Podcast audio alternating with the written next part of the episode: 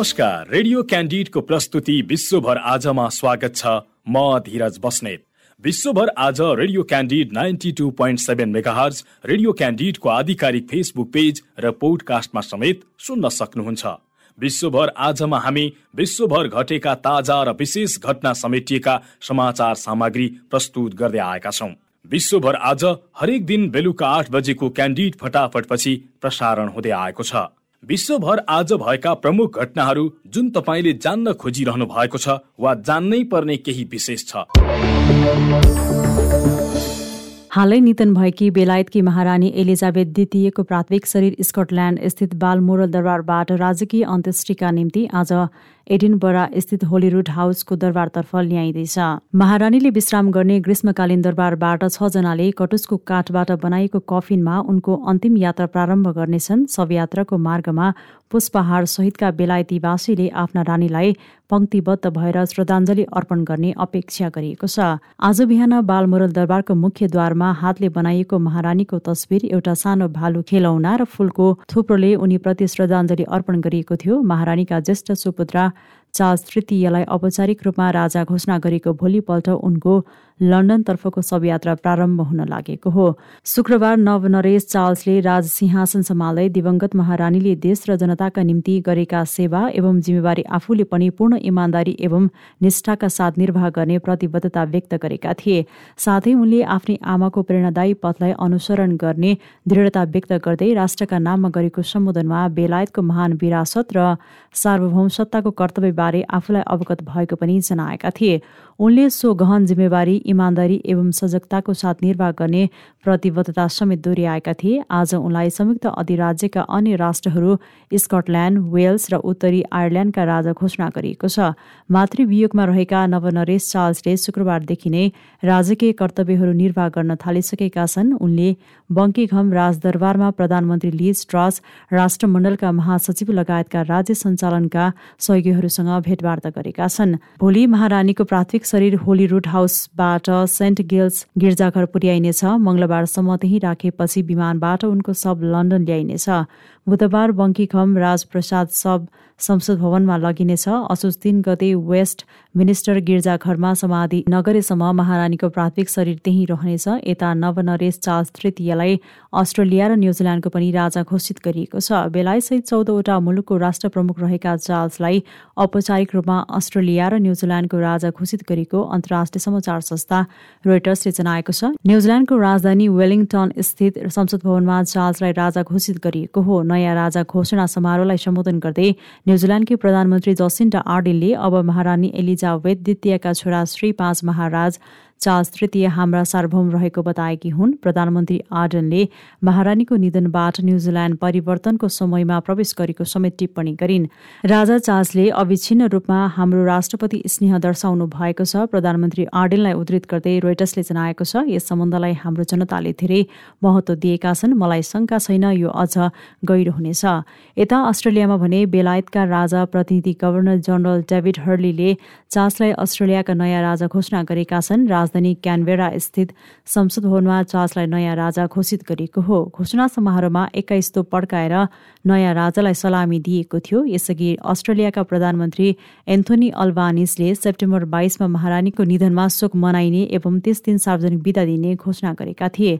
प्रधानमन्त्री अल्बानिसले आफू बिहिबार लन्डन प्रस्थान गर्ने र सेप्टेम्बर उन्नाइसमा आयोजना हुने महारानीको अन्त्येष्टिमा सहभागी भई सेप्टेम्बर एक्काइसमा स्वदेश फर्किने समेत जानकारी दिएको रोइटर्सले जनाएको छ। पपुवा न्युगिनीमा शक्तिशाली भूकम्प गएको छ। पूर्वी पपुवा न्युगिनीमा आज सात दशमलव छ म्याग्नेच्युडको भूकम्प गएको अमेरिकी भूगर्भ सर्वेक्षण युएसजिएसले जनाएको छ। भूकम्पपछि सुनामीको चेतावनी दिएको पनि सर्वेक्षणले जनाएको छ भूकम्पको केन्द्रबिन्दुबाट एक हजार किलोमिटर क्षेत्रभित्र सुनामीका छालहरू आउन सक्ने युएसजिएसले चेतावनी दिएको छ। भूकम्पले ठूलो क्षति पुर्याएको अनुमान गरिएको छ। भूकम्प कैनान्तु सहरबाट करिब सतसट्ठी किलोमिटर टाढा एकसट्ठी किलोमिटर अडतिस माइलको गहिराईमा गएको थियो। इराकमा भएको हवाई आक्रमणमा परि आतंकवादी संगठन इस्लामिक स्टेट आइएसका एघार लडाकु मारिएका छन्। हवाई आक्रमणमा स्थानीय कमाण्डरसहित एघार आइएस लडाकु मारेको इराकी सेनाले जनाएको छ। इराकको पश्चिमी प्रान्त अनबारको अल जलयत क्षेत्रमा भएको हवाई आक्रमणमा परि एक स्थानीय नेतासहित सात आतंककारीको मृत्यु भएको र आतंककारी लोकेको एक स्थान ध्वस्त भएको सेनाले जारी गरेको विज्ञप्तिमा जानकारी दिएको छ।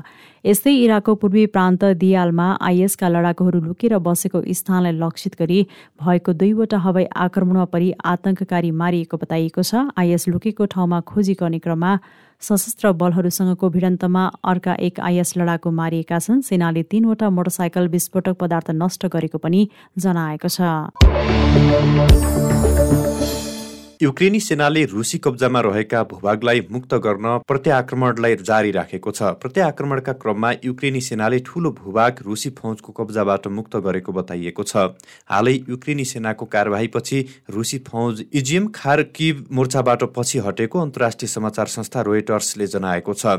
हाल इजिएम सहर युक्रेनी सेनाको कब्जामा गएको बताइएको छ। रुसी सेनाका लागि यो गत मार्च महिनामा राजधानी किभबाट रुसी फौजी फिर्ता भए यताको सबैभन्दा खराब हार भएको अर्थमा टिप्पणी गरिएको छ। युक्रेनी पक्षले भने यसलाई छ महिनाभन्दा लामो समय यता जारी युद्धमा नयाँ मोडको संज्ञा दिएको छ। युक्रेनी सेनाको प्रत्याक्रमणबाट जोगिएर भागेका रुसी सैनिकहरूले ठूलो परिणाममा गोलीगट्ठाको सञ्चिति र अन्य सैनिक उपकरणहरू त्यसै छाडेको जनाइएको छ। इजिएम सहरलाई युक्रेनमा आक्रमण गरिरहेका रुसी फौजले बन्दोबस्तीको आधार शिविरका रूपमा प्रयोग गर्दै आएका थिए। यता रुसको सरकार सञ्चालित रुसको तास समाचार संस्था रुसी रक्षा मन्त्रालयलाई उद्धित गर्दै जनाए अनुसार मन्त्रालयले सैनिकहरूलाई त्यस क्षेत्रबाट पछि हट्न निर्देशन दिएको छ। रुसी रक्षा मन्त्रालयले ती सैनिकहरूलाई अन्य स्थानमा तैनाथ हुन निर्देशन दिएको जनाएको छ। खार्किपमा रुसले नियुक्त गरेका प्रशासनका प्रमुखले स्थानीय बासिन्दाहरूलाई रुसतर्फ भागेर ज्यान जोगाउन निर्देशन दिएका छन्। प्रत्यक्षदर्शीलाई उद्धित गर्दै त्यस क्षेत्रमा रोइटर्सले भने रुसतर्फ जाने सडकमा लामो जाम रहेको जनाएको छ। पाकिस्तानका पूर्व प्रधानमन्त्री इमरान खान सवार विमान दुर्घटनाबाट जोगिएको स्थानीय सञ्चार माध्यमले जनाएका छन्।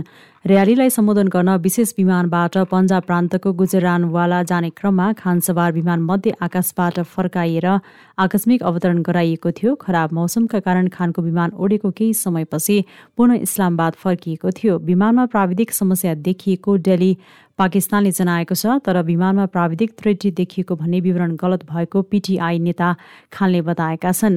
सो पत्रिकाका अनुसार विमान चालकले कन्ट्रोल टावरमा सम्पर्क गरेपछि सुरक्षित ढङ्गले विमान अवतरण गरेका थिए। आकस्मिक अवतरणपछि खान आफ्नो पूर्व निर्धारित कार्यक्रममा सहभागी भएका थिए। गुजरानावालाको र्यालीमा बोल्दै अध्यक्ष खानले वर्तमान सरकारका कारण देशको अर्थतन्त्र खस्किएको आरोप लगाएका छन्। र आज सेप्टेम्बर एघार अर्थात् अमेरिकी इतिहासको कालो दिन हो। सन् दुई हजार एकको सेप्टेम्बर एघारमा आतंकवादी संगठन अल कायदका आक्रमणकारीहरूको एउटा समूहले अमेरिकी यात्रुवाहक विमानलाई नियन्त्रणमा लिएर आत्मघाती हमला गराएका थिए। विश्वको सर्वशक्तिमान मुलुक अमेरिकी भूमिमा गराइएको यस हमलाले विश्वलाई नै आश्चर्यचकित एवं स्तब्ध पारेको थियो। विशेष तालिम प्राप्त ती आतंकवादीको समूहले चारवटा व्यावसायिक विमानलाई अपहरण गरी न्युयोर्क सहर र राजधानी वासिङटन डिसीका महत्वपूर्ण भागमा ठोकाएका थिए। दुई विमानलाई न्युयोर्क स्थित विश्व व्यापार केन्द्रको जुम्ल्याहा भवनमा जोतिएको थियो। स्थानीय समय अनुसार बिहान आठ बजेर छयालिस मिनटमा पहिलो टावरमा विस्फोट गराइएको थियो। सोह्र मिनटपछि दोस्रो टावरमा पनि विमान लगेर जोताइएको थियो। विस्फोटपछि टावरमा घन्टौसम्म आगो लागेको थियो। एक सय दस तले दुवै भवन ढलेर भग्न अवशेषमा परिणत भएका थिए। नौ बजेर सैतिस मिनटमा तेस्रो विमानलाई अमेरिकी रक्षा मन्त्रालय रहेको भवन पेन्टागनमा जोतिएको थियो भने वासिङटन डिसीतर्फ बढिरहेको अर्को विमान पेन्साल भेनियाको बीच आकाशबाट नै खसेको थियो। विमानमा रहेका अपहरणकारी र यात्रु बीच विमानभित्र भनावन हुँदा विमान बीच आकाशबाट जमिनमा खसेको हो। ती सबै हमलामा उन्नाइस आक्रमणकारी सहित दुई हजार नौ सय छयानब्बे जनाको मृत्यु भएको थियो। आक्रमणमा अरबौं डलर क्षति भएको थियो। साउदी अरबमा जन्मेका ओसामा बिन लादेनको नेतृत्वमा रहेको आतंकवादी सञ्जाल अल सो हमलाका लागि जिम्मेवार ठहर गरिएको थियो। आक्रमणमा संलग्न अन्य पन्ध्रजना पनि साउदी अरबका थिए भने दुईजना युए एकजना इजिप्सियन र अर्का लेबनानका रहेका थिए। हमलाको तीन सातापछि अमेरिकाले अफगानिस्तानमा आतंकवाद विरुद्धको युद्ध अन्तर्गत आक्रमण सुरु गरेको थियो।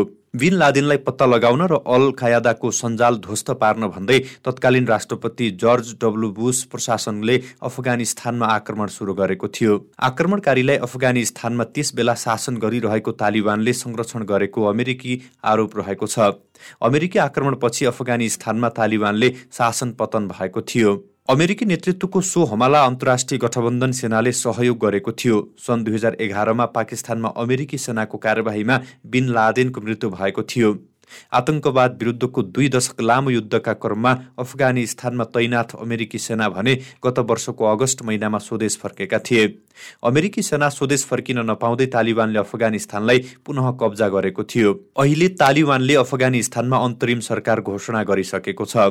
बिस वर्ष लामो लडाईँमा तालिबान सहित अल कायदा र आइएस जस्ता अतिवादी समूहका केही नेतालाई निशाना बनाउन सफल भए पनि अमेरिकाले खासै उपलब्धि पाउन नसकेको टिप्पणी गरिन्छ। अफगानिस्तानमा भएको युद्धमा चौबिस सय अमेरिकी सेनाको मृत्यु भएको छ त्यस्तै युद्धमा उनसत्तरी हजार अफगानीको मृत्यु भइसकेको छ। विश्व गतिविधि रेडियो क्यान्डिडको दैनिक प्रस्तुति हो। तपाईँले रेडियो क्यान्डिडको वेबसाइट आधिकारिक फेसबुक पेज र पोडकास्टमा सुन्न सक्नुहुनेछ। सँगै खबर हब डट कममा पनि विश्व गतिविधि पढ्न सक्नुहुनेछ। भोलि फेरि यसै समयमा विश्व गतिविधि बुलेटिन लिएर उपस्थित हुनेछौँ। आजलाई भने बिदा दिनुहोस्। नमस्कार।